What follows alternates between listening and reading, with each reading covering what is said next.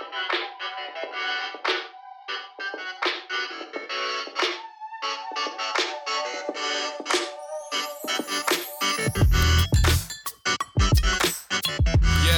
welkom bij deze allereerste aflevering van de Slechte Ideeën podcast. En we gaan gelijk van start, want stel je eens voor, je leeft in het jaar 1961 en je zit in een vergadering. Zo'n ouderwetse, stoffige en lange vergadering. Iedereen zit strak in pak en als je je neus ophaalt, dan ruik je het werkzweet van de collega's om je heen. En tussen jou en je collega's in staat een prachtige eikenhouten tafel met daarop zo'n ouderwetse zwarte bakkeliettelefoon. Nou, jullie werken voor het bedrijf Siemens en deze vergadering is georganiseerd omdat jullie baas heeft gezegd: als we willen groeien, dan moeten we innoveren. En aan jullie is het de opdracht om dit geweldige en innovatieve product naar een nog hoger niveau te tillen. Nou, uiteraard zijn jullie allemaal voorbereid en een collega aan je linkerzijde die pakt een geschrift uit zijn binnenzak en die vertelt zijn idee. Laten we een telefoon ontwikkelen met een heel lang snoer dat gekruld is, zodat je verder van je toestel kunt bewegen tijdens het bellen. Goed idee, zegt de collega tegenover je en die zegt: Misschien kunnen we de toestellen ook wat hipper maken door bijvoorbeeld verschillende kleurencombinaties aan te bieden. En weer een andere collega die vult aan dat het misschien ook wel een heel tof idee is om iets te doen aan die irritante draaischijf. dat je gewoon op knoppen kunt drukken als je een nummer wil bellen. En terwijl je al die ideeën genoteerd hebt, zet jij je schrap om te vertellen over jouw geweldige innovatieve idee. Je zegt: Wat nou, collega's, als we een draadloze telefoon zouden kunnen bedenken? Een hele compacte, waarmee je dus altijd overal kunt bellen. En dat we dan deze telefoon een glazen scherm geven waar je elkaar kunt zien tijdens het bellen, als een soort televisie. En dan zetten we er ook een camera op, zodat je dus ook foto's en filmpjes kunt maken. En dan kun je er allemaal programma's op zetten. Bijvoorbeeld wanneer je vette honger hebt, dat je dan een programma op je telefoon hebt waarmee je zelf je eten en drinken kunt uitkiezen. En dan wordt dat binnen 30 minuten aan je deur bezorgd. En dat noemen we dan een slimme telefoon. Dat was 60 jaar geleden echt een heel erg slecht idee geweest. En laat deze podcast nou net over slechte ideeën gaan. Maar even een stapje terug, want wat bedoel ik daar dan mee en, en wat is dan de Slechte Ideeën podcast? En het zou natuurlijk goed kunnen dat je mij nog niet kent. Mijn naam is Rico Bakker en ik ben trainer en spreker in patroondoorbrekend denken. Ik help organisaties om creatiever te worden en zich te onderscheiden door buiten de lijntjes te stappen. En begrijp me niet verkeerd, want in 1960 hadden we nooit kunnen weten hoe de wereld er nu uitziet. En er is niemand die precies weet hoe de wereld er over 60 jaar uitziet. Maar als we het wel zouden weten, dan zou niemand je geloven. Want wij kunnen ons namelijk heel moeilijk een voorstelling maken van iets wat er simpelweg nog niet is. En daarom wil ik in deze podcast de kracht van een slecht idee benadrukken. En zal ik creatieve, authentieke en absurde verhalen met jullie delen. Want wat is dan creativiteit? Want sommige mensen die vinden misschien een goede schilder creatief of een pianist. En sommige mensen vinden misschien ondernemers creatief. En nou, voor de grap moet je eens een keer de definitie opzoeken van creativiteit. En dan zul je merken dat het best wel een containerbegrip is. Er zijn honderden definities. Hè, waaronder bijvoorbeeld ook hele vage termen, zoals bijvoorbeeld scheppingskracht of scheppingsvermogen en scheppingsdrang. Nou, die definitie zou betekenen dat zwangere vrouwen per definitie creatief zijn.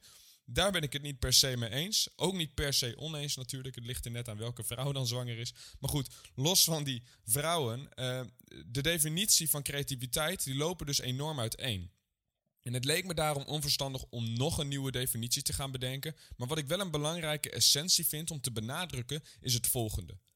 In mijn ogen hangt creativiteit namelijk sterk samen met vernieuwing. Als iets niet vernieuwend is, dan zullen we het ook niet snel creatief noemen. Dus iets wat creatief is, is eigenlijk altijd vernieuwend. Het moet iets nieuws brengen. Iets op een andere manier, een nieuwe manier die we nog niet als zodanig kennen. Maar daarnaast heeft creativiteit denk ik weinig waarde als het niet een doel dient. Het moet ergens goed voor zijn. Dus het biedt een verbetering of een oplossing of een antwoord. dus dus, dus het, moet, het moet een doel dienen. Maar goed, als ik dan een hele vernieuwende oplossing heb die ook een fantastisch doel dient of een geweldige verbetering vormt, eh, dan moet het natuurlijk ook nog realiseerbaar zijn. Want anders heb je er niks aan. Als het niet realiseerbaar is, als het niet haalbaar is, niet realistisch is.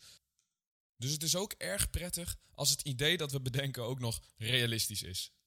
Wij mensen hebben meestal de neiging om eerst te bepalen of iets realistisch of logisch is. En als dat niet zo is, dan vegen we het al snel van tafel. Sterker, het komt misschien niet eens op tafel. We filteren dit soort ideeën namelijk heel erg gemakkelijk weg. De mate waarin een idee realistisch is, baseren we op ervaringen uit het verleden, het bekende.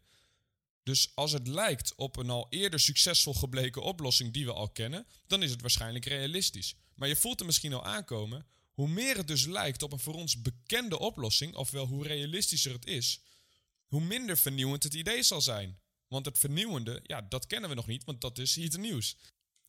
Het is dus een enorme uitdaging om vernieuwend en realistisch tegelijk te zijn. Maar hoe werkt dit nu precies en hoe kunnen we daarmee omgaan? We maken namelijk continu nieuwe verbindingen aan in onze hersenen. Wanneer je iets een keer gedacht hebt, dan denk je het heel gemakkelijk nog een keer. En wanneer je iets tien keer bedacht hebt, dan vorm je eigenlijk een soort van snelweg in je hersenen. Denk bijvoorbeeld eens aan toen je leerde fietsen. Als je voor het eerst leert fietsen, dan moet je echt je best doen om vooruit te komen, om op te stappen, om je balans te bewaren, om te kunnen sturen. Dat is enorm ingewikkeld en complex. Je moet je snelheid behouden, je moet alert blijven, je moet om je heen kunnen kijken, je moet remmen wanneer dat nodig is, et cetera, et cetera. Maar wanneer deze patronen eenmaal ingesleten zijn in ons brein, dan hoeven we er niet meer bij na te denken en dan gaat het allemaal automatisch. En deze manier van werken heeft ons ontzettend efficiënt en succesvol gemaakt en is dus ook enorm waardevol. Want binnen organisaties doen we dit ook. We organiseren. Dat betekent dat we gewoontes aanbrengen, dat we standaardiseren en dat we de variatie zoveel mogelijk proberen te beperken. Alleen door het aanmaken van patronen, zowel persoonlijk als in organisaties, komen we soms vast te zitten in ons denken. En hoe kom je daar dan weer uit? Want zou je bijvoorbeeld fietsen weer af kunnen leren? Zou je al die patronen kunnen afleren? En in principe is het antwoord daarop ja, dat kan.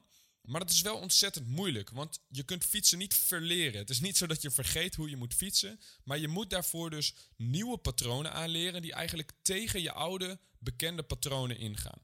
Nou, de Amerikaan Destin Sandlin die maakte bijvoorbeeld een fiets die omgekeerd stuurt. En die heeft er acht maanden over gedaan om te leren op die fiets te rijden zonder te vallen. En toen hij dat eenmaal kon, zag het er ook nog niet eens uh, smooth uit of zo. Dat was echt uh, super houterig en hakkerig. Kon hij uiteindelijk na acht maanden op die fiets rijden. Wat wel grappig is, zijn jonge zoon, die, het, uh, die pas drie jaar überhaupt kon fietsen, die leerde dat in twee weken. Dus dat, dat zegt ook wel weer iets over leeftijd en creativiteit misschien. Maar goed, dat is een ander verhaal. En uh, nadat Destin geleerd had om op die fiets te rijden, lukte het hem in eerste instantie niet om op een gewone fiets te rijden. Dus dat is interessant. Dus eigenlijk had hij in feite dus afgeleerd om op een gewone fiets te rijden, omdat hij nieuwe tegengestelde patronen had aangeleerd. En ditzelfde principe werkt ook voor creativiteit. We kunnen namelijk niet volledig vrij denken. Er zijn altijd aangeleerde kaders die ons hierin beperken. En bij de een is dat misschien meer dan bij de ander, maar kaders zijn er altijd. En het is natuurlijk te veel gevraagd om die manier van denken en werken volledig af te leren. Sterker nog, onze manier van denken is allesbehalve fout. Want we zijn er super efficiënt door en super succesvol mee. Maar wat we wel zouden kunnen doen, is af en toe doelbewust door zo'n kader heen sturen. Patronen doorbreken. En dat zit hem in de vraag die je stelt. Kortom, stel je hebt als vraagstelling hoe zorg ik voor meer klanten? Wanneer ik aangeef om daar vrij over na te denken, dan vraag ik je eigenlijk om alle denkkaders die je hebt aangeleerd en alle patronen die je in je systeem hebt zitten uit te schakelen. Dat is natuurlijk enorm ingewikkeld. Maar als ik jou bijvoorbeeld de vraag stel om een zo absurd mogelijk idee te bedenken om meer klanten te krijgen, dan doorbreken we in ieder geval een van die kaders volledig. En het idee dat je dan gaat bedenken zal misschien niet gelijk realistisch zijn. Waarschijnlijk bedenk je zelfs voornamelijk hele slechte ideeën. Maar wat ik wel zeker weet, is dat je vernieuwende ideeën zult bedenken en dat je een kant op gaat kijken die je normaal nooit opkijkt. En het is enorm interessant om dat onontdekte land van slechte ideeën eens goed te exploreren om daar inspiratie vandaan te halen die je nodig hebt om echt vernieuwend te zijn. En vanuit daar kun je gaan kijken wat het idee nou zo interessant maakt en hoe je dat als inspiratie zou kunnen gebruiken voor een goed idee. En dat, dat noem ik de kracht van een slecht idee. Maar goed, ik begrijp ook wel dat jouw werkgever of jouw opdrachtgevers misschien niet allemaal zitten te wachten op de wildste ideeën. En dat kan best lastig zijn, want binnen een organisatie hebben we vaak genoeg te maken gehad met de ja maar. Weet je, uh, dat hebben we al geprobeerd, we doen het al jaren zo, dat gaat toch niet werken, noem maar op, al dit soort voorbeelden. En misschien herken jij je ook wel in de situatie waarin je eens een keer iets wilde zeggen of een idee had, maar je mond hield omdat anderen dat misschien een dom of raar idee zouden vinden.